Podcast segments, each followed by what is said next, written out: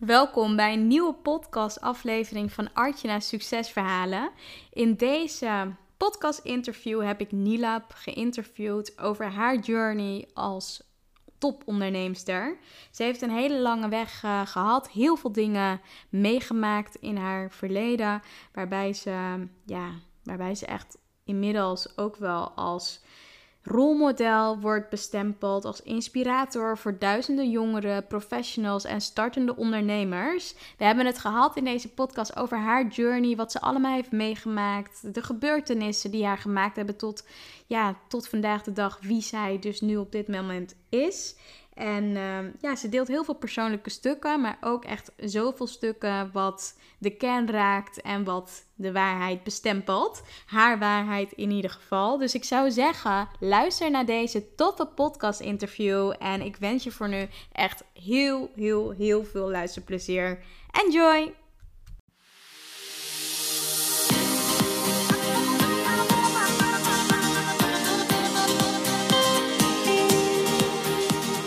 Welkom bij Archna's Succesverhalen. Mijn naam is Archna van Archna Stories en leuk dat je luistert. Ik ben storycoach, zichtbaarheidsexpert en ik bruis van de energie om jou te helpen naar meer succes in jouw leven. Dagelijks help ik ambitieuze vrouwen om vanuit hun ware kern vol vertrouwen zichtbaar te worden. In deze podcast neem ik je mee op de weg naar succes, de ups en downs en datgene wat vaak niet publiekelijk gedeeld wordt. Get ready! Ik wens je heel veel luisterplezier.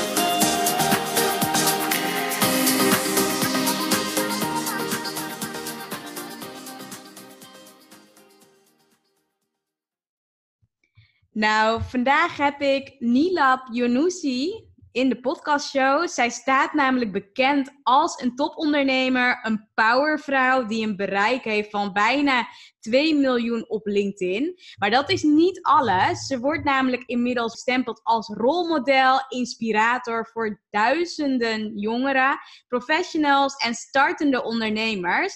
Ze is ook echt meerdere malen gevraagd voor de koffers van bladen en tv-uitzendingen. En ze wordt wereldwijd ook gevraagd om te spreken op events als motivational speaker. En ze zit ook aan tafel met de CEO's van de wereldmerken. Ik vind het echt bijzonder om jou vandaag in de podcast te hebben. Ik ben er ook echt enorm dankbaar voor. Maar voor de luisteraars die jou nog niet kennen, wie is Nilab? Uh, hi Atjana, allereerst heel erg bedankt dat je me voor je podcast hebt gevraagd. Uh, het is voor mij een eer en iets nieuws, uh, dus ik wil je daarvoor zeker bedanken. Wie is Nilab? Ja, een jonge ondernemer van 25. Ik uh, uh, hou me op meerdere vlakken eigenlijk bezig. Hier in Nederland hou ik mij bezig met diversity en inclusion binnen organisatie, die vraagstukken. En ik heb in India heb ik nog een eigen IT-team zitten die van software development tot de implementatie daarvan doet. Ik spreek verder op events en ik ben ook actief op het gebied van social impact. Je hebt eigenlijk in je introductie alles al gezegd wat ik. Ja. Ik kon het niet mooi voelen. Dus, Dank je. ja, dat is. Maar ik vind het altijd nog even fijn om even, weet je, iemand nog zelf eventjes een beetje aan het woord te laten. En ook echt een beetje zichzelf, ja, zichzelf natuurlijk te introduceren. Dus dank je wel voor de aanvulling. Waar ben je opgegroeid? Ik ben uh, eigenlijk uh, in heel veel landen opgegroeid. Ik ben geboren in Afghanistan, Mazar Sharif. Vervolgens uh, heb ik een tijdje in Pakistan geleefd, in Iran, uh, in Turkije vastgezeten meerdere maanden. Ik heb een jaar in Bulgarije gewoond. En uh, daarna eigenlijk hier in Nederland terechtgekomen als asielzoeker. En uh, ik ben het grootste gedeelte van mijn adolescentie ben ik hier in Nederland geweest. Maar ik heb ook bijna twee jaar in India gewoond en gewerkt. En ik reis heel veel. Dus ja, allemaal, overal eigenlijk wel een beetje. Maar het grootste gedeelte zou ik kunnen zeggen nu hier in Nederland. Ja, wauw, heel bijzonder. Ook al, ja, want je was nog best wel jong toen je op heel veel verschillende plekken hebt gewoond, hè? Ja, ja zeker. Ik was uh, ongeveer vijf jaar oud toen ik uh, met mijn gezin, mijn moeder en mijn broertje en mijn oma en neefjes, nichtjes, ben gevlucht eigenlijk uit Afghanistan. En daarna al die landen eigenlijk doorgereisd en in meerdere landen gewoond. Ik was heel jong inderdaad. En het is bijzonder. De, ik vind het zelf nog steeds ook bijzonder dat ik dat ja. heb mee mogen maken. Ja, ik denk dat je daar strakjes tijdens de podcast interview natuurlijk waarschijnlijk hoop ik natuurlijk dat je daar meer over kan en wil delen. Maar waar ik benieuwd naar ben is hoe ziet jouw persoonlijke leven er nu uit? Ben je getrouwd? Woon je nog thuis? Of ehm, ja, is het anders? Uh, een uh, hele persoonlijke vraag, maar die wil ik zeker beantwoorden, omdat ik die vraag ook heel vaak krijg. Nou, mijn persoonlijke leven, ik, uh, ik leef eigenlijk in een heel close kring. En dat is mijn moeder, mijn broertje, mijn oma, neefjes, nichtjes. Ik heb een kleine familie hier in Nederland. Ik ben hartstikke single. en, en dat is echt wel bij keuze, omdat ik, ik, heb het zo druk. Ik, ben, ik heb heel veel ambities, ik heb heel veel dromen. En ik, ik zet mij daar volledig voor in, waardoor ik weet dat het gewoon dat ik niet alle tijd heb om uh, dat te steken in een relatie. Ik ben ook niet zozeer op zoek. Maar weet je, ik geloof er wel in dat als uh, de ware op je pad komt, dat je het dan niet kan ontwijken. Dus uh, nee, ik ben vrijgezel, niet getrouwd geweest, ook geen kinderen. En ik woon niet meer thuis, al heel lang niet meer, 7,5 jaar niet. Ik ben op mijn 18 op mezelf gaan wonen. En dat was ook iets bijzonders. Want in, ja, weet je, van mijn, vanuit mijn achtergrond was dat destijds gewoon niet normaal. En ehm, niemand in mijn uh, familie had het ook ooit gedaan. Dus zowel vrouwen niet, maar uh, juist vrouwen niet, maar mannen ook niet. En ik was de eerste die die stap nam. En dat, ja, dat was niet uh, makkelijk. Nee. Maar goed, ik ben altijd een beetje een troublemaker geweest. En, en nu wonen al mijn nichtjes, neefjes op zichzelf. En ja, ik ben wel trots dat ik die stap heb genomen. En die zijn ze ook allemaal trots dat ik die stap heb genomen. Want ik heb de deur geopend voor ze. Ja, super fijn. Ik vind dat altijd zo moedig en zo dapper als je dan de eerste bent die dan zo een stap zet. Want wat deed dat uiteindelijk met je omgeving? Dus echt je naaste, toen jij die stap wou zetten om echt op jezelf te gaan wonen, kreeg je toen best wel veel over je heen? Of ja, was dat anders in die periode? Ja, ik kreeg. Kijk, nu is er heel veel begrip voor. Mijn broertje woont nog thuis met mijn moeder. Als mijn broertje nu zegt: Ik ga op mezelf, dan is dat gewoon heel normaal. Maar ja. destijds, ik was 18 en ik ben het enige meisje thuis. Dus uh, toen ik zei: van, Nou ja, ik ga op mezelf wonen. Nou, ik, ik heb heel veel shit over me heen gekregen. Niet alleen van familie, maar ook je community. Mm -hmm. Want uh, de community waar ik in zat, de Afghaanse, Iraanse en die, die waren dat niet gewend. En ik was een, een voorloper daarop. En ik stond er ook op een gegeven moment wel heel erg alleen voor. Ja. En ik had ook nog een tent te makken. Dus, uh, en ik ging ook niet naar, ik wilde niet in een studentenhuis wonen. Ik, wilde, ik ben heel erg moeilijk met mijn badkamer delen.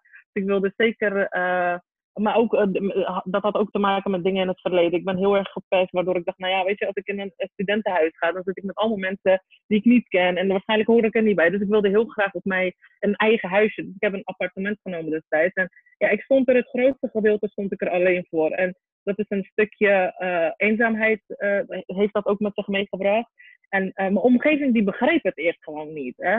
Die, die begreep niet waarom waarom ik zo een keuze maakte. Maar ik begreep het zelf wel, want ik had een bepaalde visie en ik zag iets en ik wist gewoon, wil ik uh, het anders doen dan mijn moeder of wil ik het anders doen dan een nicht van mij of een neef van mij, dan moet ik ook andere soort stappen gaan nemen. En dit was er één van. En uh, dat is een hele goede keuze geweest voor mij, want uh, ik heb heel veel geleerd. Ik heb mezelf leren kennen.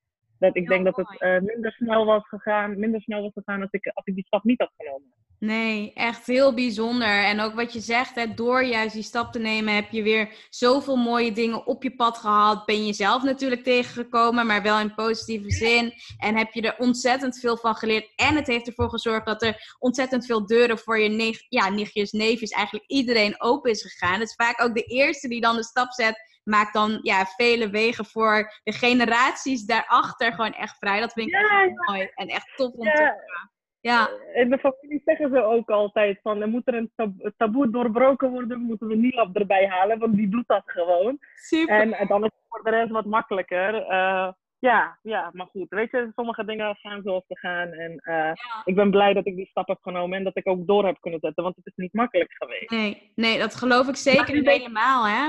Zeg je? Nu, ik zeg, nu weet ik ook niet beter. Ik woon al 7,5 jaar op mezelf. En uh, ja, ik zou echt niet anders kunnen of zo. Nee, dat snap ik ook. Maar ik vind het wel echt een hele mooie stap. En op jezelf te wonen en vanuit cultuur en de community. En dan toch gewoon, weet je, zo die volhardendheid. En gewoon er echt voor te gaan van, hè, dit is mijn keuze. Ik ga ervoor en ik haal het beste eruit. En dat, uh, wat je nu zegt, ja, nu ken je eigenlijk niet meer anders. En ja, heeft het gewoon heel veel voordelen dan dat het nadelen met zich mee heeft gebracht. Dus echt top om te horen. Ja, en, en weet je wat het ook is, Atjana? Kijk, uh, in het begin zei iedereen nee, moet je niet doen. Dus iedereen was er echt op tegen. Er was niemand die tegen mij zei, goede keuze, doe het. Niemand. Dus, en ik, ik, was er toch tegen ingegaan. En er kwam een moment dat ik letterlijk geen geld had. Gewoon echt niet. En ik studeerde, maar ik, ik werkte er ook naast. En ik, ik had het zo moeilijk. Maar je weet gewoon, ik kan nu niet meer terug, want dan heb ik gezichtsverlies. En dan gaat iedereen zeggen, zie je wel, we hadden het je gezegd en dat, dat, daar wilde ik me gewoon niet aan overgeven. Dus ik ben gewoon doorgegaan. En, dat is zeker een motivatie geweest om uh, niet met een, uh, ja, mijn kopje omlaag uh, terug te gaan. Ja, super mooi. Echt tof. Tof, echt super inspirerend. Ik geloof zeker dat voor de luisteraar dit echt zoiets inspirerend is. Van weet je, als je iets wil, doe het dan. En ga ervoor. En ja, weet je, alles is gewoon echt mogelijk. En dat laat je dus echt nu en blijken met je verhaal. Maar ook gewoon, ja, je bent gewoon het voorbeeld daarin. Ja, echt mooi. Dankjewel, dankjewel. Ja, super tof. En nou, je vertelde net ook al, je hebt best wel veel al op jonge leeftijd van de wereld gezien. Ook vertelde je een beetje over India nou, ik vind het zelf echt een ja, heel mooi land. Maar zijn er ook andere plekken bijvoorbeeld op de wereld geweest die je tot nu toe gezien hebt? En ja, wat jij tot nu toe het mooiste vindt en wat je eigenlijk iedereen aanraadt? Ja, ik heb eigenlijk uh, uh, heel veel gereisd. Zowel in Europa als in Azië. Maar als je me echt vraagt een plek om aan te raden, dan, dan, ja, dan val ik eigenlijk altijd terug op India. En waarom India? Nou ja, uh, ik heb er een connectie mee omdat ik ook de taal spreek. Ik ken de culturen. Ik, ik heb een groot netwerk. Ik heb vrienden daar wonen. Ik heb er natuurlijk ook gewerkt.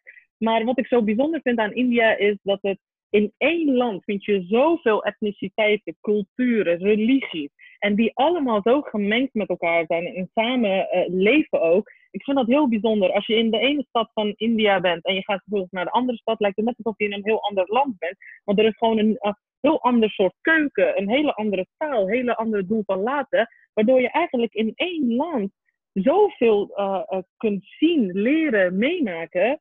Dat ik denk, ja, weet je, wil je jezelf ontplooien, ga daar echt zeker een keertje naartoe. Zeker. Uh, dat, dat is echt, echt, echt een land.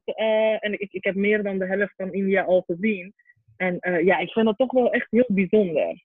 Ja, tof. Wat ik heel bijzonder vind, is dat volgens mij ben jij niet uh, India's opgevoed of ook niet uh, Hindustaanstalig, maar hoe heb jij de taal eigen gemaakt? Nou, ik zal je vertellen, Atjana, ik spreek zes talen. En. Uh, ja, en ik zal je vertellen, als je arm bent, dan word je heel creatief. En ik, ik, ik, ja, ik heb gewoon hele moeilijke tijden gehad, echt een struggle. Hm. En je probeert jezelf wel te ehm, uh, onderscheiden van de rest. Dus, en je hebt ook geen geld, dus je gaat allerlei manieren zoeken van hoe je dat kan doen. En ik heb dat gewoon gedaan door boeken te lezen, films te kijken, muziek te luisteren. En mensen die ik kende die een bepaalde taal spraken, continu gewoon stalken met vragen, maar hoe zeg je dat? En hoe zeg je dit? En wat betekent dat? En sommigen zijn er helemaal gek van geworden hoor. Die zullen niet zo blij zijn geweest met mijn telefoon. Maar ik heb het gewoon gedaan. Omdat ik dacht, nou ja, dat zal ooit ten, ten goede komen. En dat is ook zo. Ik, ik, ik, ik reis regelmatig naar India. En uh, ja, weet je, dan, ja, dan spreek ik de taal en niks kan me meer tegenhouden. Dus zodoende. Ik, heb, uh, ik ben inderdaad niet van India's afkomst. Het is echt geweest door jarenlang te lezen, films te kijken, muziek te luisteren, poëzie te lezen. Uh, met ja, bepaalde soort mensen om te gaan die daar verstand van hebben. Super mooi. Oh, wauw. Echt, wat een doorzettingsvermogen en wat een kracht. En wat jij zegt, hè, dat, als je, dat het gewoon niet uitmaakt uh, in welke situatie je ook zit, dat er echt geen excuus is om bijvoorbeeld iets nieuws te leren of om iets te leren. Dat als je die drive van binnen hebt, als je voelt van, weet je, dit wil ik, dat het gewoon mogelijk is. Ja. ja, zeker. Ik denk dat intrinsieke motivatie echt een hele grote rol speelt. Uh, kijk, heb je die privileges dat je gewoon een, uh, iemand hebt die je daarin kan steunen, zowel financieel als emotioneel? Ja, dat is mooi meegenomen. Heb je het niet, dan moet je uh, roeien met de riemen die je hebt. En zo heb ik het ook altijd geleerd. Van, goh, weet je, maak het beste van wat je hebt. En dat heb ik altijd meegenomen. En ik heb dat ja, niet alleen met de talen, maar ook in mijn zakelijke leven, maar ook in mijn persoonlijke leven zo gedaan altijd. Ja, ja, mooi, bijzonder. Make the best of what you have. Ja, zeker. Ja, ik geloof daar zeker ook in hoor. Ik geloof zeker als je een intrinsieke motivatie hebt, je weet waar je wil komen, wat je visie is en hoe je dat helemaal voor je ziet en je wilt dat ook gewoon zo graag, dan, dan is er vaak ook niets meer wat je kan stoppen, omdat je alleen maar doorgaat en weet waar je naartoe wilt gaan. Dus dat is echt ja, uh, heel mooi. Ja, super mooi. Wat je ook al vertelde, en daar ben ik ook wel heel benieuwd naar, is dat uh, je hebt aangegeven, hè, je hebt best wel wat heftige dingen in, je, in het verleden meegemaakt. En Steve Jobs, die had ook in zijn bekende speech over connecting the dots. En hiermee werd bedoeld, als jij terugkijkt op je leven, dat alle gebeurtenissen ergens goed voor is geweest. Je hebt het net al een beetje over je talen gehad. Maar als je terugkijkt naar uh, drie gebeurtenissen die ooit in jouw leven hebben plaatsgevonden, waarbij jij dus nu eigenlijk, en die zo doorslaggevend zijn geweest waar, waar jij nu vandaag de dag staat. Welke drie gebeurtenissen zijn dat dan voor jou geweest? Een hele goede vraag, want ik geloof heel erg in de uh, connecting the dots. Um, dat zijn er eigenlijk vier volgens mij. Yeah. Ik zal even opnoemen. Van is uh, dat ik gewoon als vluchteling uh, hier naar Nederland ben gekomen dat doet, dat doet enorm veel met je. Kijk, als je vluchteling bent, dan sta je constant uh, eigenlijk in een uh, overlevingstoestand. En uh, ben je op een gegeven moment in een bepaalde fase in je leven dat dat niet meer hoeft, heeft dat heel veel tijd nog nodig voordat, voordat je uit die overlevingstoestand komt. En dat, ja, dat, is, dat is iets wat zeker een rol heeft gespeeld met wat ik nu doe en wat voor persoon ik nu ben. En tweede is denk ik mijn reis naar India. Ik heb uh, ja, tegen alle taboes in ben ik uh, ingegaan. En ik ben naar India gereisd de eerste keer. En ik heb een maand door heel het noorden uh, alleen gebackpackt. En daarna heb ik ook als Boeddha een tijdje geleefd. Vervolgens ben ik daar gaan werken als marketingmanager voor een cosmetica bedrijf. En ik heb ook samen met het bedrijf twee producten op de markt gezet. Een Herbal Foundation en een Herbal Eyeliner. Ik ben ook het gezicht geweest van een dagcreme voor hetzelfde merk. Nou, dat was ook iets, weet je, op dat moment toen ik de keuze maakte om dat te gaan doen, ik wist helemaal niet waar het me naartoe zou brengen. En ik, ik, ik het ook niet dat ik die, die, die opdracht kreeg, weet je, dat ik die kans kreeg. Ik heb die kans gewoon gepakt. En uh, als ik nu terugkijk, denk ik dat heeft wel een hele grote rol gespeeld. Ik heb zoveel geleerd, zowel uh, voor mijn persoonlijk leven als in mijn zakelijk leven. Ik heb geleerd om met culturen, verschillende culturen samen te werken. Ik heb ge geleerd hoe je een product op de markt hebt, wat daar allemaal bij komt kijken. Ik heb geleerd hoe je uh, moet overleven eigenlijk in het buitenland. Dus dat heeft zeker een, rol gespeeld. Nou, wat ik net al vertelde was op mezelf gaan.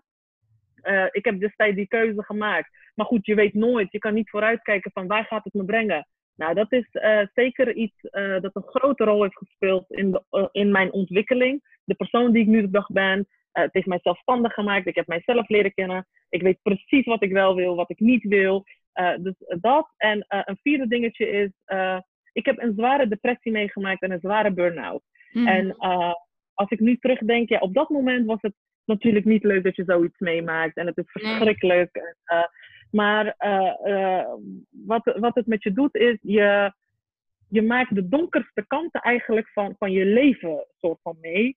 En als je eenmaal daaruit komt, dan, ja, weet je, dan, dan al de angsten die je hebt, die verdwijnen op een of andere manier. Want als ik nu iets vervelends meemaak, of ik kom in een situatie waar ik gewoon heel veel moeite heb, dan denk ik altijd terug daaraan. Denk ik, maar kijk, ik zat in zo'n zware depressie en een burn-out en ik ben daar uitgekomen.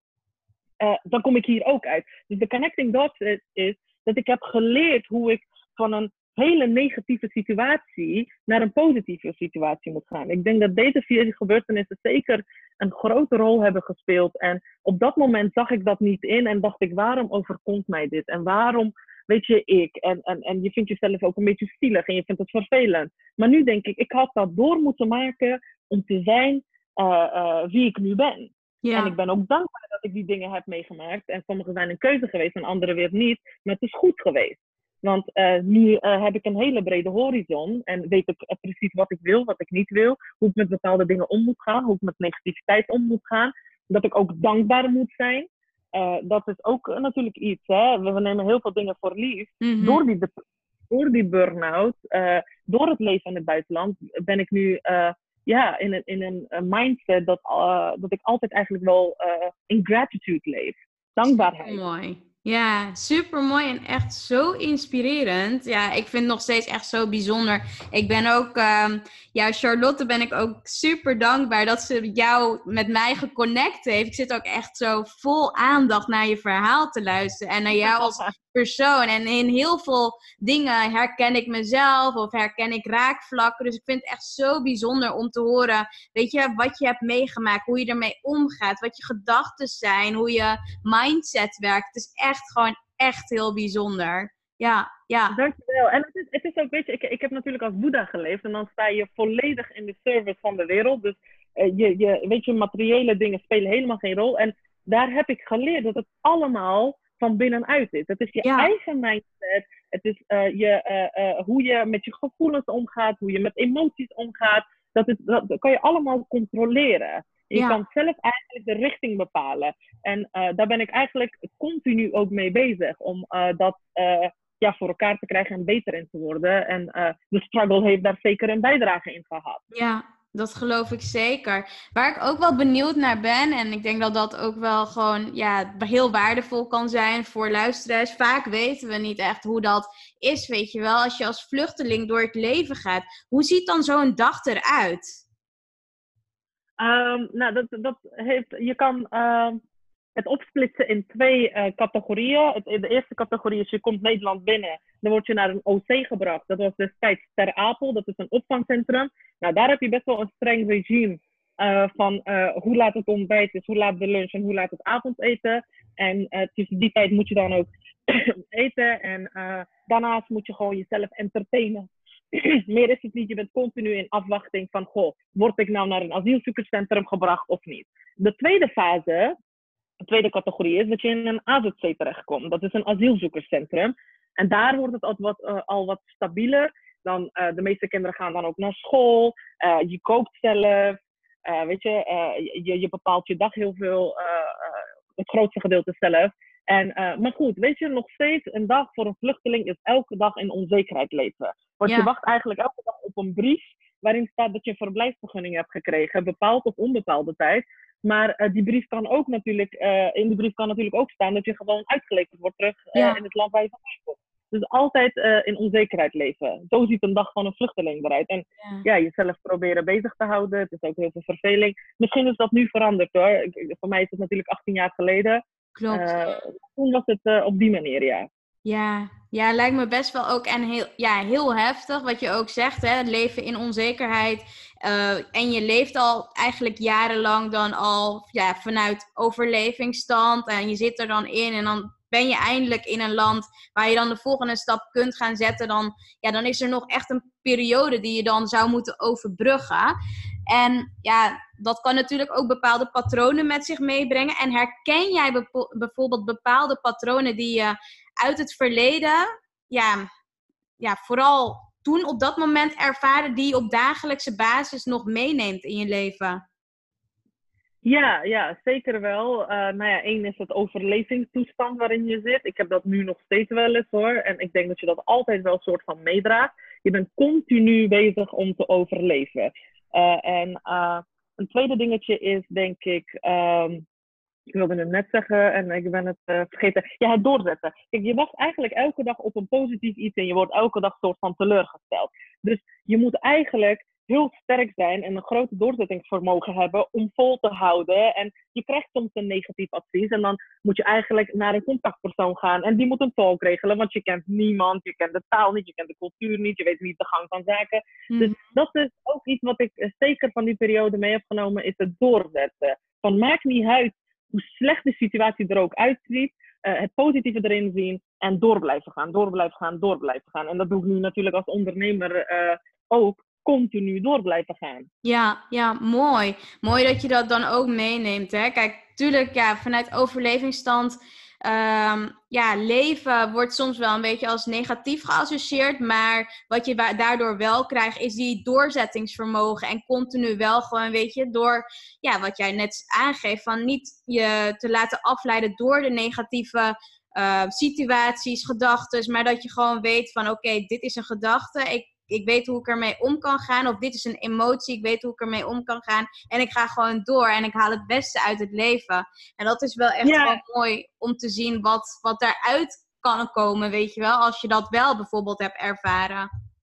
Ja, en, en weet je wat het is? Uh, ik vind altijd, uh, er wordt, uh, als je het over een overlevingstoestand hebt of, een, of zo'n situatie waar je niet veel macht over of invloed over hebt, dan wordt het zo zwart-wit gezien. Het is niet zwart-wit volgens mij, het is een grijs gebied. Het heeft zowel de voordelen als de nadelen. En kijk, in, als je in zo'n situatie zit, Artjana, je hebt niet echt veel keus. Je hebt geen opties. Dus uh, mijn moeder dacht ook destijds, en ik heb dat heel erg nauw met haar meegemaakt, omdat wij natuurlijk, ik heb geen vader. Uh, en uh, nou, zij was dan de moeder en de vader, en ik was als oudste kind natuurlijk erbij. zij had even van, nou ja, ik zit in deze situatie, hoe kan ik het beste hiervan maken? En, want je hebt gewoon geen andere opties. Je kan in een andere manier, of hoe zeg je dat? Je kan um, in een slachtofferrol gaan zitten, maar het brengt je gewoon nergens. En je, bent, je hebt een hele reis achter de rug om hier naartoe te komen. Je wilt hier een leven opbouwen. Dan, ja, dan, dan heb je gewoon geen opties meer, weet je. Je moet ervoor gaan. Dat is de enige optie die je hebt. Super mooi, super mooi. En wat je ook zegt, hè, die doorzettingsvermogen brengt jou natuurlijk nu ook als ondernemer gewoon de dag door. Want hoe ziet nu jouw dag bijvoorbeeld als ondernemer eruit? Uh, heel verschillend. Heel verschillend. Een dag als ondernemer uh, is nooit hetzelfde.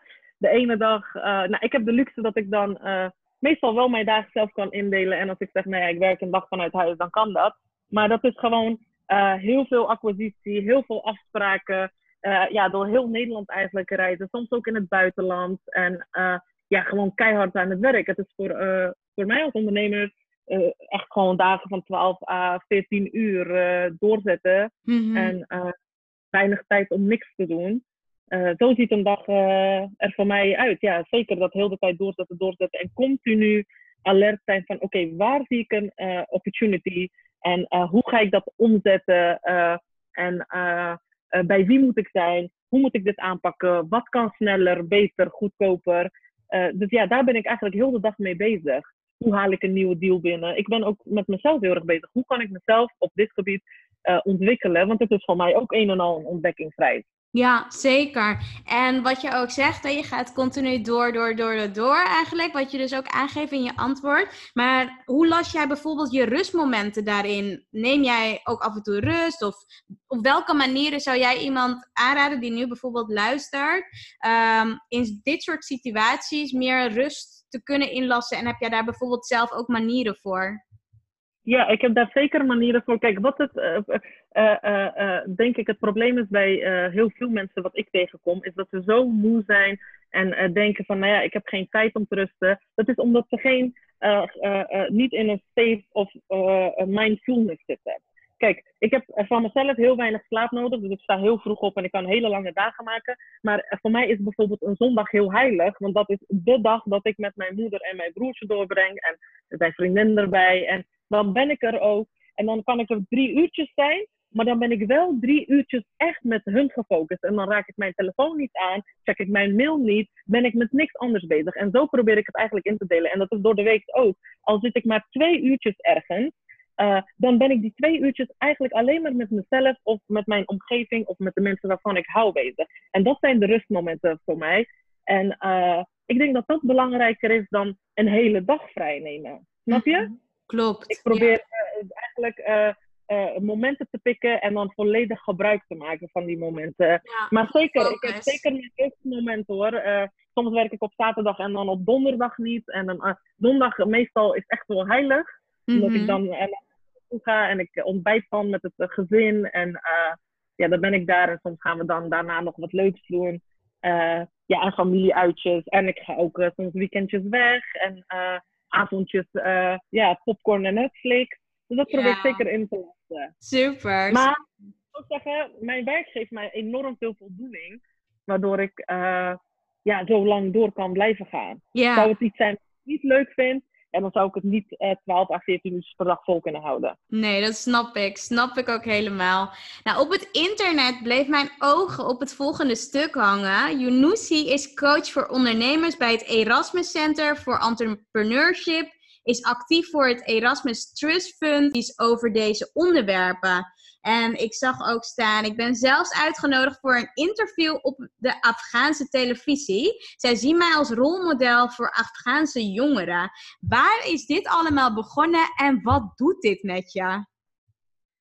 Uh, ja, dan moet ik even terugdenken. Allereerst, uh, ik ben niet alleen coach van het Erasmus Center for Entrepreneurship, maar ook ambassadeur.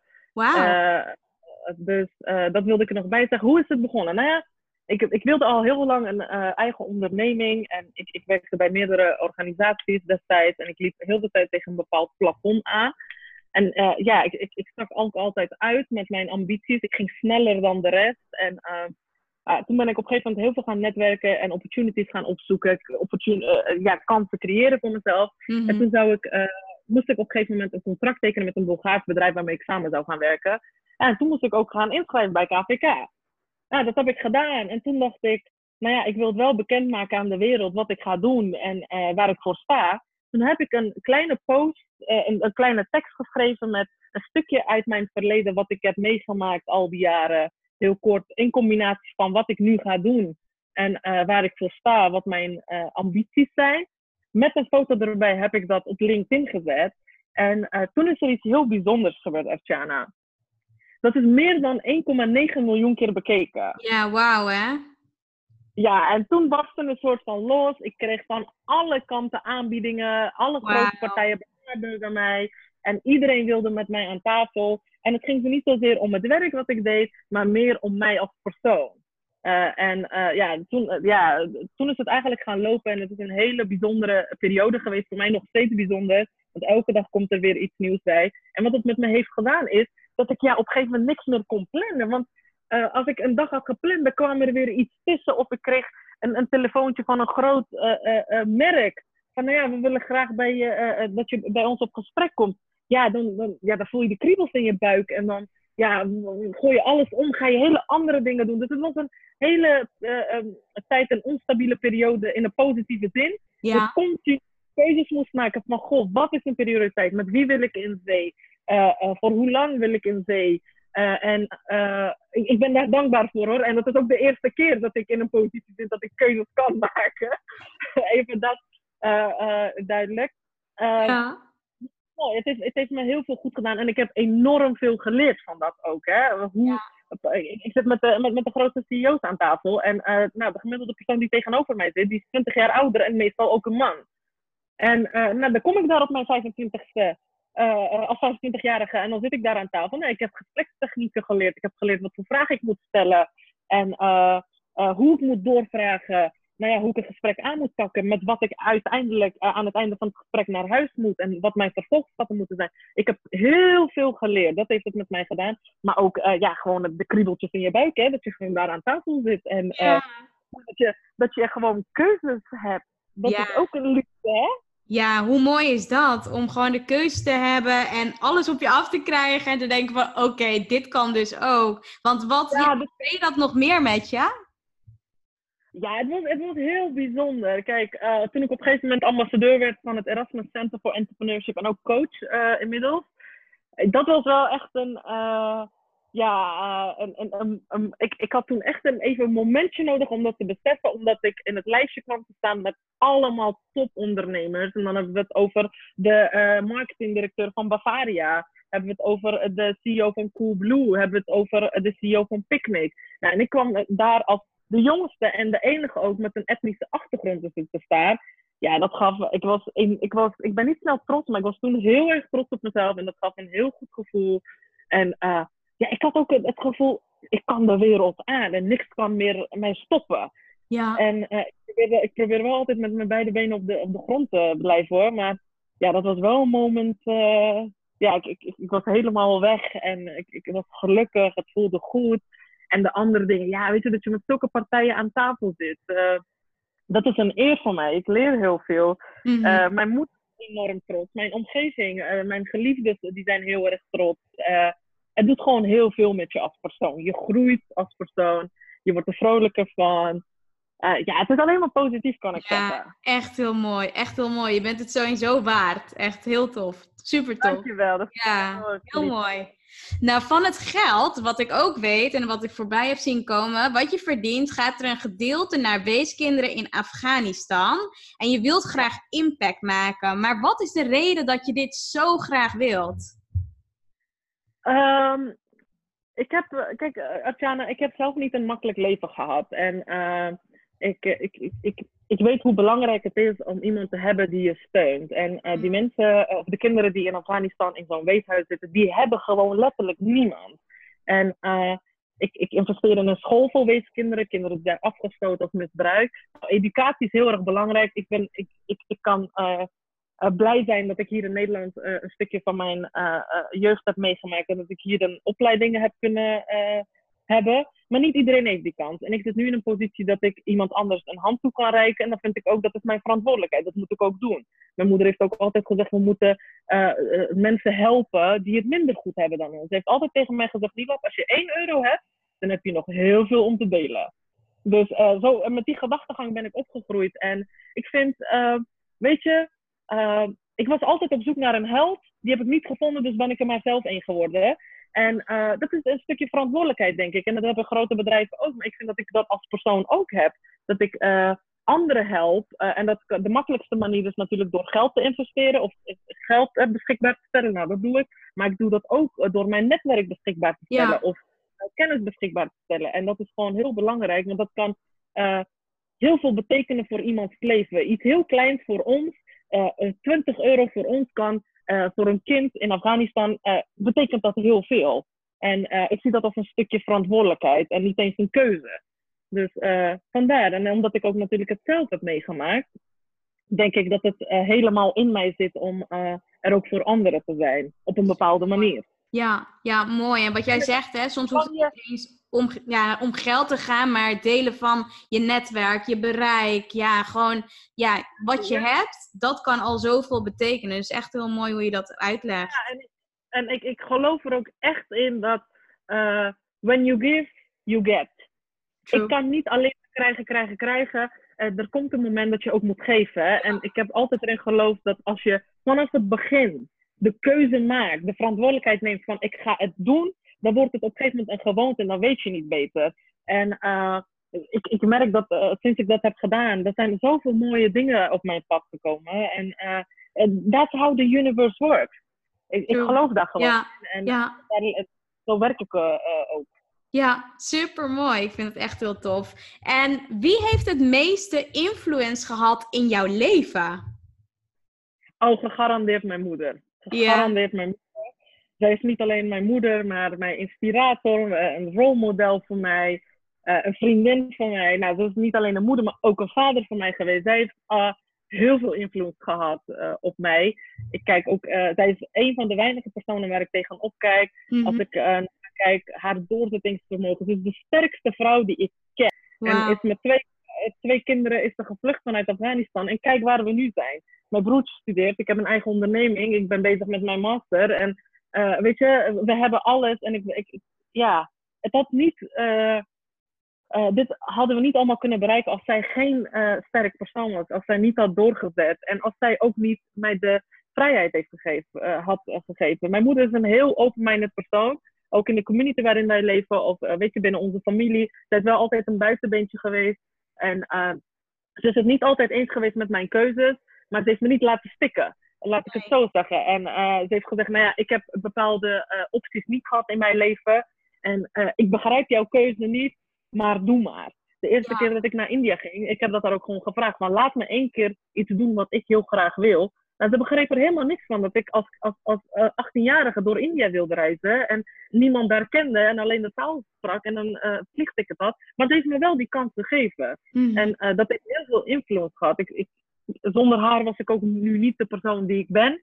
En dan was ik ook zeker niet op de plek waar ik nu ben. Dus ik ben daar, daar uh, heel erg dankbaar voor. En, en, en alle lof naar haar, laat ik het ja, zo zeggen. Ja, heel mooi. Ja, echt heel tof. En ook wat je zegt, hè, en wat je ook zegt, ja, jullie zijn echt de levende voorbeelden daarvan. Jij en je broertje, wat er van terecht is gekomen. En wat je ook zegt, hè, wat jullie allemaal doen. Ik denk dat dat zeker een hele mooie ja, influence is geweest op jouw leven. Echt gewoon heel ja, tof. Ja, ja, ja. zeker. En kijk, ik heb een heel moeilijk leven gehad. Dan kun je je voorstellen hoe moeilijk mijn moeders leven was geweest. En hoe moeilijk haar moeders leven is. En uh, ik kan me heel goed voorstellen dat zij ook wel eens uh, gedacht heeft van, weet je, ik gooi de handdoek in de ring. En ik kan het allemaal niet meer aan. Maar ze heeft niet opgegeven. Ze is door blijven gaan. En ze heeft ons, voor ons kansen gecreëerd. Uh, en natuurlijk hebben wij zelf die kansen ook vervolgens gepakt. Maar zij, zij heeft wel die weg voor ons opengezet. En ja, dat, dat heeft zoveel invloed gehad. En als ik ook momenten heb gehad van dat ik wilde opgeven. En ik keek dan naar mijn moeder, dacht ik nee. Kijk, als mijn moeder nooit heeft opgegeven, dan moet ik helemaal niet klagen. Want zij heeft het veel zwaarder dan ik gehad. En ik heb haar wel eens gevraagd van mama, als ik dan in zo'n down-periode zit, of we hebben allemaal dat, we zijn allemaal mensen. Tuurlijk. Dan zeg ik, het allemaal goed. En dan zegt ze tegen me, je bent mijn dochter. Dus het komt zeker goed. En dat, ja, dat, dat is een trots moment. Ik heb nooit het gevoel gehad van, ik heb geen vader gehad. Want ze was zowel een moeder als een vader. Super. Ze was uh, zowel een moeder als een vriendin. Ze was zowel een moeder als iemand die mij steunde. En misschien niet financieel, omdat we het niet breed hadden, maar wel dat, dat ik wist van, uh, nou, ze staat achter mij. En nu nog steeds, hè, als ze zegt tegen mij, Mila, maak je een bepaalde keuze dat niet goed zou aflopen. Je moet weten dat ik er altijd voor je ben. En nou, dat is het enige wat wij als mensen willen, toch? Ja, klopt. Dat is volgens mij het enige. Liefde, aandacht en ervoor. Ja, weet je dat iemand er echt voor je is? Ik denk dat dat het belangrijkste is. En zolang je dat niet tekort komt, heb je alles. dan heb je gewoon datgene wat je nodig hebt. Ja. En vooral als je allebei uit, uit hele verschillende milieus en werelden komt natuurlijk. Mijn moeder komt uit een hele andere milieu dan ik. En dat ze toch begrip voor mijn situatie of voor mijn denken, voor mijn doen heeft. Ja, dat, dat respecteer ik enorm. Want ik begrijp dat het voor haar allemaal heel raar is. Ja, helemaal waar. Ja, zeker. En als we bijvoorbeeld kijken naar al jouw investeringen tot nu toe. En ja, eigenlijk naar de meest positieve impact die je hebt gehad voor ja, iets, wat je, ja, iets wat je gekocht hebt in je leven, wat gewoon minder dan 100 euro was, maar gewoon echt zo een positieve impact op jouzelf heeft gehad. Heb je daar een voorbeeld van of heb je iets waar je nu op kan komen? Ja, ja, zeker. Het is wel iets wat uh, net iets meer kost dan 100 euro. Ja. Maar ik wil toch niet, dat zijn mijn uh, AirDots van Apple. Nou, dat vind ik echt een investering geweest. Ik vind het echt waar. En zouden ze vandaag kapot gaan, koop ik er morgen gelijk weer een. Uh, en ik, ik, bel heel veel natuurlijk, zowel in Nederland als naar het buitenland. Nou, ik, vroeger was het altijd met die draadjes van je, kop, van je oortjes. Helemaal knoeien, zaten altijd in het knoop en ze gingen zo vaak kapot. En sinds ik deze AirDots heb, nou, dat is, uh, ik bel als ik in de supermarkt ben, als ik uh, in de auto zit. Het is gewoon zo makkelijk. Het heeft het allemaal makkelijker gemaakt. En het geluid is goed. ik kan mijn telefoon opladen terwijl ik aan het bellen ben. Dus dat vind ik echt een investering die waard is geweest, ja. Super mooi, ja. En welke Nederlandse ondernemer bewonder jij het meest en waarom? Um, goeie vraag. Uh, ja, bewonderen vind ik een uh, heel groot woord. Ik bewonder bijna niemand, behalve eigenlijk mijn moeder. Maar ik word wel door heel veel mensen geïnspireerd. En uh, nou, ik zal twee noemen. Eentje is uh, Michiel Muller. Dat is de CEO van Picnic, Tango, Roetmobiel. Nou, dat vind ik echt een, een, een, een hele goede ondernemer. En waarom? Omdat Kijk, de dingen die hij heel de tijd heeft verzonnen, bijvoorbeeld zo'n picknick, nou, dat is gewoon heel innovatief. En een andere die echt wel dicht bij huis is, is uh, Pieter Zwart, de CEO van uh, Coolblue. Ja, dat vind ik ook een geweldig ondernemer wat hij met Coolblue heeft gedaan. Dat is zeker ja. uh, een topondernemer en daar kunnen we allemaal veel van leren. Ook een ambassadeur van het Erasmus Center for Entrepreneurship. Dus ja, dat zijn de mensen die, waar ik wel inspiratie uit haal. En buiten de ondernemers zijn er nog heel veel vrouwen, maar ook mannen waar ik, uh, die niet ondernemers zijn, maar voor een bedrijf werken, uh, waar ik heel veel inspiratie uit haal. Tof, tof. Super mooi om ja. te horen. En ook wat jij zegt, echt van, vanuit de grote merken, maar die ook dan nog ambassadeur zijn voor een, ja, voor een ja, grote instantie. Het is best wel bijzonder om dat, ja, om dat dan mee te krijgen. Ja, tof. Ja, ja want we hebben ook allemaal, allemaal uh, gestudeerd aan het Erasmus Center. Uh, of we hebben allemaal ook gestudeerd aan het Erasmus Universiteit. Ja. En ja, dan word je dus eigenlijk gevraagd om, of gekozen tot ambassadeur. En daar ben ik, ja, dus, ja, Ja, super mooi. Echt heel tof. En stel je, uh, ja, je wordt 100 en je kijkt terug op je leven. Wat zou dan hetgeen zijn waar je het meest spijt van zou hebben gehad als je dat niet gedaan hebt en wat je nog echt heel graag wil doen? Ja, ik denk uh, dat is een hele moeilijke vraag, want ik doe al eigenlijk heel vaak, uh, bijna altijd de dingen die ik wil doen. ik, ik, weet je, als ik, als ik een idee heb of ik, ik, heb een, ik wil iets doen en dan ik overleg dat altijd met mensen, want ik wil altijd meerdere perspectieven. En als iedereen zegt, nou ja, Niwab, je moet rechtsaf gaan. En mijn gevoel zegt, ga linksaf, dan ga ik alsnog linksaf, ook al is de kans heel groot dat het mislukt. En ik denk dat ik heel erg spijt zou hebben als ik die keuze niet zou maken. We hebben een gezegde in het Afghaans, en dat luidt als volgt van, goh, uh, als ik van de trap val, uh, Artjana, dan doet het pijn. Maar duwt iemand anders mij van de trap, dan lijkt het net alsof het veel meer pijn doet. Dus ik heb altijd gezegd, ik moet mijn eigen fouten maken. En uh, ik moet mijn eigen keuzes maken. En soms zijn die gewoon uh, niet verstandig. En, uh, maar ik moet ze wel maken om ervan te leren. Dus ik denk dat ik daar heel erg spijt van zou hebben als ik niet mijn hart zou volgen, niet de risico's zou nemen die ik wil nemen en ja, niet de taboes zou doorbreken die ik wil doorbreken. Ja, ja, super mooi. Dat, dat is voor mij heel belangrijk. Dat ik, als ik s'nachts in bed lig, dat ik denk, oké, weet je, uh, ik doe wat ik graag altijd heb willen doen. Ja, super mooi. Tof. En als je kijkt naar bijvoorbeeld, ja, je, je hebt natuurlijk echt best wel een sterke mening. Je staat ook best wel krachtig. Ook in de dingen wat je zegt en wat je doet natuurlijk. Je volgt echt je eigen pad en je eigen missie. En heb je wel eens kritiek van buitenaf? En zo ja, ja, hoe ga je daar dan mee om? Oh ja, ik heb heel veel kritiek hoor, uh, Artjana. Uh, en dat krijg ik van alle kanten. Uh, een vriend van mij zei laatst tegen mij, Nilop, uh, hoge bomen vangen veel wind. Dus nou, bij dit geval vang ik veel wind. Hoe ga ik daarmee om? Ik vind kritiek eigenlijk iets heel positiefs. Mm-hmm. Op het moment dat iemand kritiek op mij zou hebben, dan, dan, dan, dan, is er iets mis. Weet je? niet iedereen kan van je houden, niet iedereen kan het met je mee eens zijn. En ik zie dat ook als een, op het moment dat iemand een kritiek heeft op mij, dan zie ik dat als iets positiefs. En dan ga ik nadenken van, oké, waarom zou deze persoon het er niet mee eens zijn? En, en, en wat betekent dat voor mij? Wat voor gevolgen heeft dat? Wat voor consequenties heeft dat? Dus ik neem dat heel erg positief op. En ik ga allemaal oplossingen zoeken voor mezelf van hoe kan ik dit oplossen? Is het het waard om erop in te gaan of niet? Dus ik, ik vind kritiek juist heel goed. Ik zal een voorbeeld noemen. Ik heb uh, uh, pas geleden ben ik gevraagd om te spreken op de Guts Award. Ik, ben, ik zit ook in de jury. Uh, en dan, er zijn heel veel ondernemers daarvoor genomineerd. En ik, ik, spreek op dat event als keynote speaker. En later is ook Kim Holland gevraagd als oh, ja. keynote eh, speaker. Nou, ik ben moslima van achtergrond. En ik, heb, ik kom uit Afghanistan. Nou, Kim Holland is een, de bekendste pornoster van Nederland natuurlijk. Nou, op een gegeven moment was dat bekendgemaakt. En toen kreeg ik heel erg kritiek. Heel veel mensen vonden dat ik mij terug moest trekken. En dat ik niet met haar het podium moest delen. Nou, dat was een moment voor mij dat ik heel goed ben gaan nadenken van wat betekent dit voor mij? Ben, het, ben ik het ermee eens of niet? Nou, ik ben het er helemaal niet mee eens, want ik vind, uh, zij is een, gewoon een goede ondernemer. Je kan er uh, hoog springen of laag springen, maar ze is gewoon goed in wat ze doet. En dat zij het anders doet dan ik, dat is haar keuze.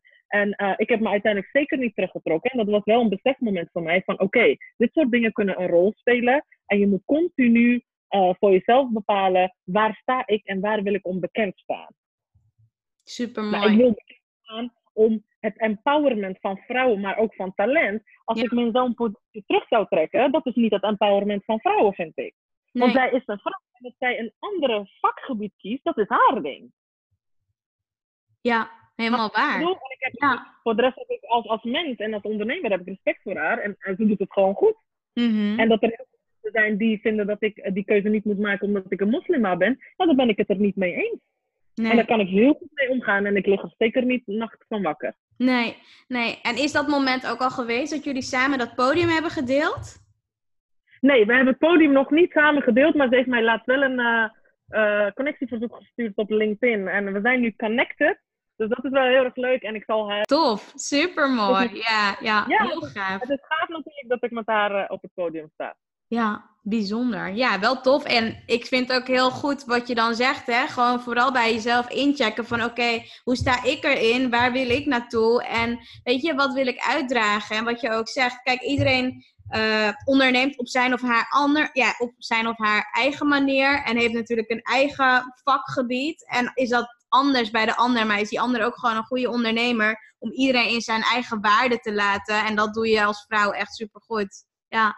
Ja, zeker, zeker. En ik ben van het empoweren van vrouwen. En bij ja. Artjana, als ik alleen maar uh, ja-knikkers om mij heen zou hebben, of ik zou in een kamer zitten met alleen maar mensen die net zo slim zijn als ik, of ik ben de slimste, dan weet ik één ding zeker: dat ik in de verkeerde kamer zit. Ja. Juist de mensen die kritiek tonen, juist die mensen die tegen mij zeggen: nee, nee, dit moet je volgens mij niet doen, daar leer ik heel veel van. En uh, dat soort mensen uh, omring ik mij ook mee.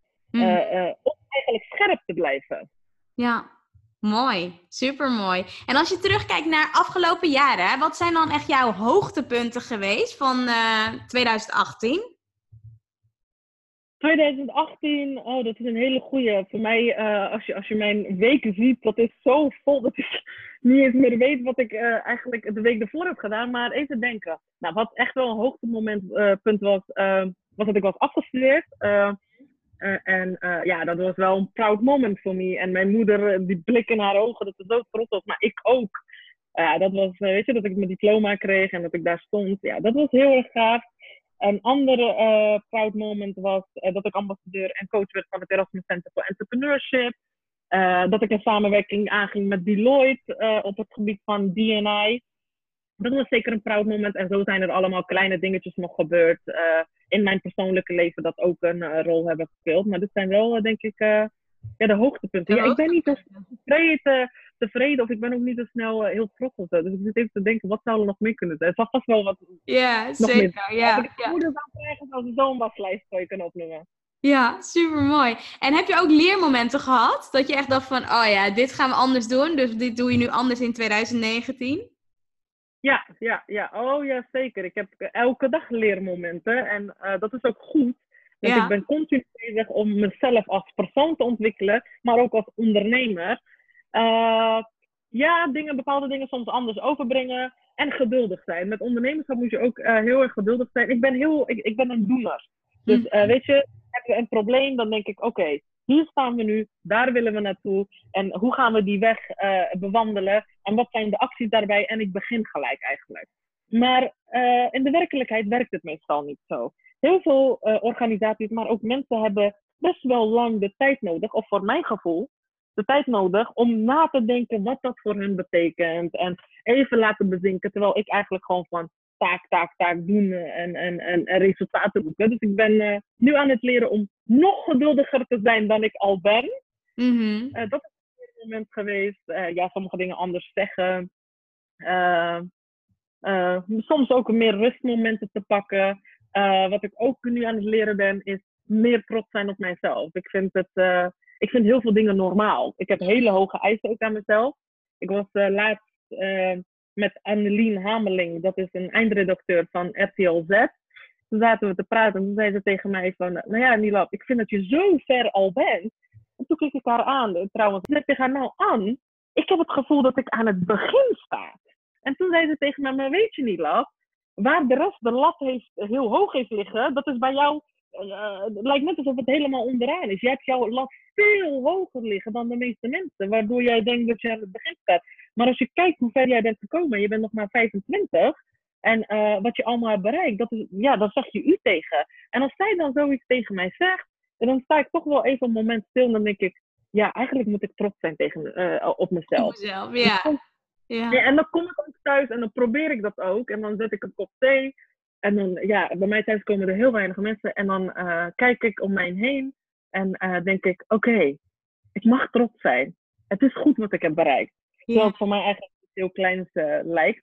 Maar dat ben ik dus ook aan het leren, ja. Super mooi, super mooi. Je kan echt sowieso echt mega trots zijn op wat je allemaal bereikt hebt. Ik vind het echt gewoon echt ja, bizar mooi. Echt gewoon echt heel tof. Sowieso waar je vandaan komt, wat je allemaal hebt gedaan in je leven, waar je nu staat. De dromen, ambities, uh, terugdoen voor de wereld. Ja, het is echt gewoon, ja, wat jij ook zegt, hè. Echt, hoe anderen je ook zien, echt een rolmodel en inspirator voor, ja. uh, voor velen ben je. En dat mag echt nog groter worden en dat meer mensen je gaan uh, ja, leren kennen, weten wie je bent. Want ja, dat, dat mag gewoon. Dat ben je allemaal sowieso waard. Dus dat is wel echt top. Ja, ja wat ik ook wel, waar ik heel benieuwd naar ben, want je hebt al een aantal keer gezegd, je wordt best wel vaak gevraagd voor interviews, voor de media, ja, je spreekt best wel veel op grote podia's. Maar welke vragen worden aan jou echt super vaak gesteld? Of het vaakst gesteld? Nou ja, met interviews, ehm, dat is een hele goede vraag, want ik krijg die vraag heel vaak.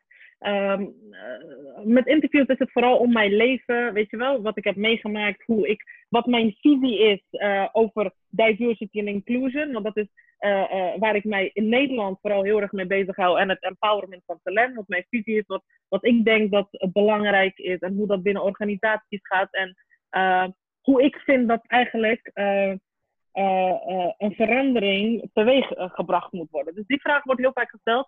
Maar ik heb in de afgelopen drie maanden heb ik meer dan 18.000 berichten gekregen. Uh, op LinkedIn, maar ook via de mail. Van uh, vrouwen, mannen, jong, oud, gepensioneerde, starters. Met allemaal vragen. En uh, ook een vraag wat van veel vrouwen komt is... Hoe zorg jij ervoor dat je continu gemotiveerd blijft? een andere vraag is hoe zorg jij uh, nog steeds dat je uh, een balans hebt tussen je privé en, en zakelijk? is dat er wel? Want je doet zoveel. En dan zeg ik altijd, ja, dat is echt mogelijk. We moeten alsjeblieft ophouden met die cliché dingen. Dat je niet een, een kind kan hebben en niet een gezin kan hebben. En een topondernemer of een powervrouw kan zijn. Maar dat kan gewoon. Mm. ik bedoel, we hebben ook een man, toch? Ja. de, mensen die een gezin hebben, de man kan ook iets doen. Dus die mogelijkheden zijn er zeker. En heel veel vragen over mijn persoonlijke leven, hoe mijn leven eruit ziet, hoe ik eh, bepaalde dingen doe, hoe ik een acquisitie aanpak, hoe ik bij de grote bedrijven eigenlijk binnenkom. Die vragen worden mij heel vaak gesteld. Eigenlijk uh, in het kort gezegd, hoe ben ik gekomen waar ik nu ben? En dat wordt allemaal verschillende soort vragen opgesteld, maar die vraag wordt heel de tijd gesteld van hoe doe jij dat nou? Ik wil dat ook. Ja. En uh, ik zeg altijd, nou ja, ik ben, het is echt niet zo. De meeste mensen zien de buitenkant en dat ik uh, interviews afgeef en dat ik ergens spreek of dat ze content van mij op LinkedIn langs zien gaan en een foto. Maar ik zeg altijd, het is echt niet zo dat ik gisteren ben begonnen en dat ik vandaag hier sta hoor. Ik werk al sinds mijn dertiende en ik ben ooit begonnen als schoonmaakster. Mm En ik heb in horeca gewerkt, ik heb uh, fabriekwerk gedaan, ik heb uh, schoonmaakwerk gedaan, ik heb bij Feyenoord gewerkt, ik heb bij verzekering gewerkt, woninggoed. Ik heb alles gedaan. En uh, continu eigenlijk uh, door uh, blijven gaan om te zijn waar ik nu ben. En ik heb daar ook heel veel dingen voor opgegeven. Dus ik zeg ook, je moet niet alleen het plaatje buiten zien. maar ook zien wat voor offers ik heb gebracht om te zijn waar ik nu ben. Ja. Want het is niet altijd alleen maar roze geur en maneschijn. Mm -hmm. Zeker, dat geloof ik ook. ook Kijk, en met zo'n podcast of zo'n interview probeer ik ook uh, te delen met mensen van hoe mijn leven is gegaan. Kijk, de meeste mensen die, eh, die wij als rolmodel of inspirator zien, uh, die zijn op wat een oudere leeftijd. Dus dan hebben we het over bijvoorbeeld Oprah Winfrey of Steve Jobs. Weet je, die zijn op een latere leeftijd en uh, die, zijn, die, die, die, hebben het succes bereikt en dan komen ze in de spotlight. Maar ik wil juist het talent laten zien van kijk wat voor struggles ik meemaak om een bepaald doel te bereiken. Mm -hmm. En niet wanneer ik aan de top sta, iets laten zien. Dat vind ik eh, minder belangrijk eigenlijk. Ja, ja. Heel mooi. Echt heel tof. Sowieso. Ik vind het echt super tof. Maar ook wat je zegt, hè, je krijgt echt zoveel vragen dagelijks van mensen, jong, oud, man, vrouw, maakt niet uit. Maar ja, is echt gewoon heel bizar. Maar ook gewoon bijzonder wat voor vragen er dan gesteld worden. En dat mensen toch ook altijd echt op zoek zijn naar waar haal je nou de motivatie vandaan? Hoe, hoe doe je dat allemaal? Dus dat is wel echt gewoon, ja, het is sowieso leuk om te horen wat er dan dagelijks bij jou binnenkomt. Maar zijn er ook dingen die uh, anderen niet van jou weten? En wat je wel wil delen in deze podcast? Uh, ja, oh, er zijn heel veel dingen wat anderen niet van mij weten. Nou ja, kijk, als je van buitenaf naar mij kijkt,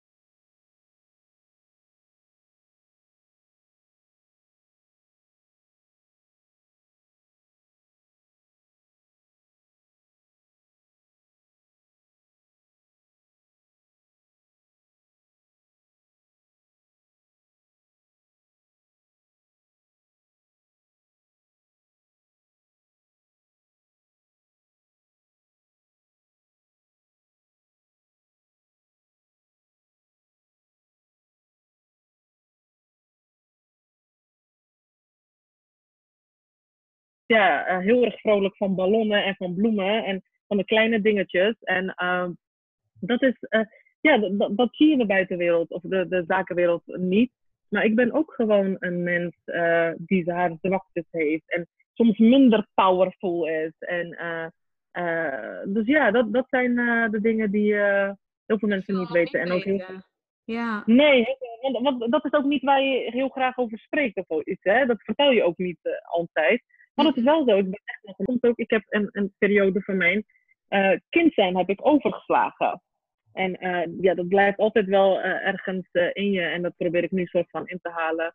En wat, wat ik ook heb is, ja, ik, ik ben heel erg van risico's nemen en dat, de grenzen opzoeken, daar ben ik wel van. Dat weten heel veel mensen niet. En dat ik eigenlijk elk jaar een paar keer bepaalde dingen doe waar ik een angst voor heb. Ik heb bijvoorbeeld een beetje een hoogtevrees.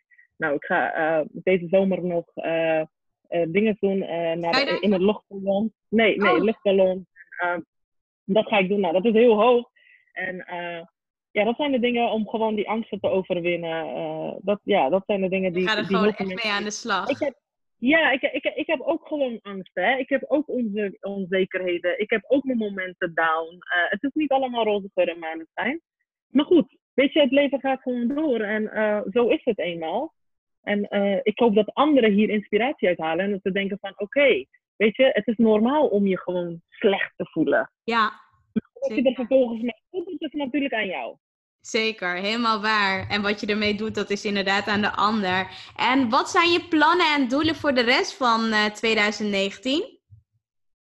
Um, ja, ik heb er heel veel. Uh, een, een, korte termijn. Kijk, ik, ik, ik denk altijd in periodes van een week, een maand, zes maanden, jaar en vijf jaar. Zo denk ik. Om, je, je hebt natuurlijk een, een grote lange termijn doel, maar je hebt ook allemaal subdoelen. En ik heb heel veel subdoelen. Nou, een van de doelen is natuurlijk uh, de onderneming te laten groeien.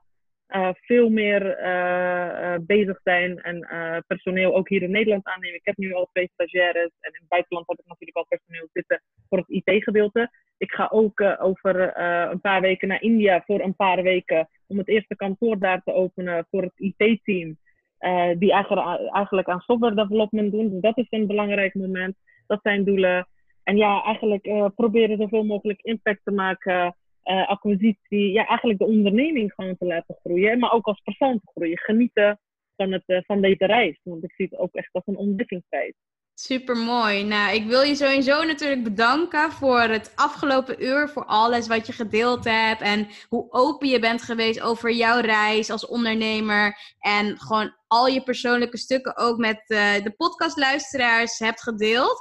Is er nog een bepaalde afsluitende les, advies of takeaway die je graag aan de luisteraars mee wil geven?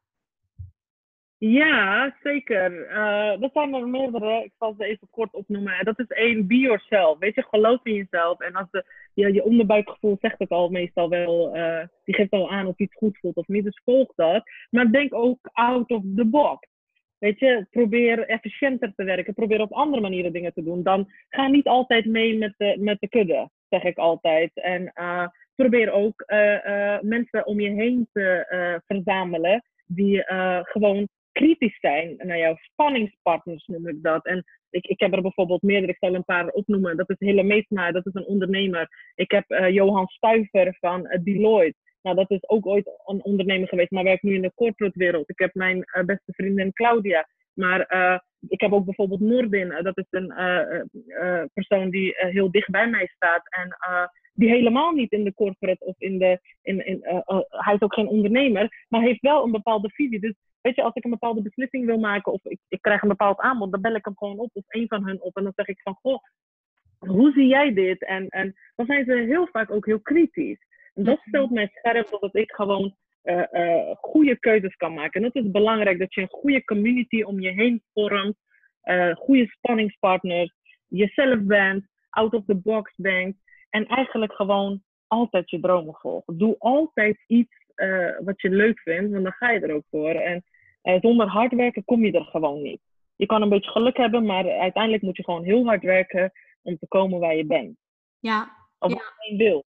Super mooi. Ja, om te zijn waar je wilt. Klopt. Ja, helemaal waar. Ja, ik wil je echt bedanken. Ik vond het echt super leuk. Heel tof om je hier vandaag in deze podcastshow te hebben mogen interviewen. Ik vond het ook heel fijn. Je hebt een hele fijne energie. Ik merk dat ik echt zoveel energie heb gekregen van dit gesprek. Dus dank je wel. Dank je wel voor uh, afgelopen uur. Um, ik zal het ook in de omschrijving erbij zetten. Maar wil je jezelf, uh, ja, wil je nog even delen waar mensen jou kunnen vinden? Ja, zeker. Nou, mensen kunnen mij uh, op LinkedIn vinden. Daar ben ik uh, heel actief in. Maar ook op uh, Instagram. En nou, daar, daar toon ik ook wat meer dingen van mijn persoonlijke leven. Maar ook mijn zakelijke leven.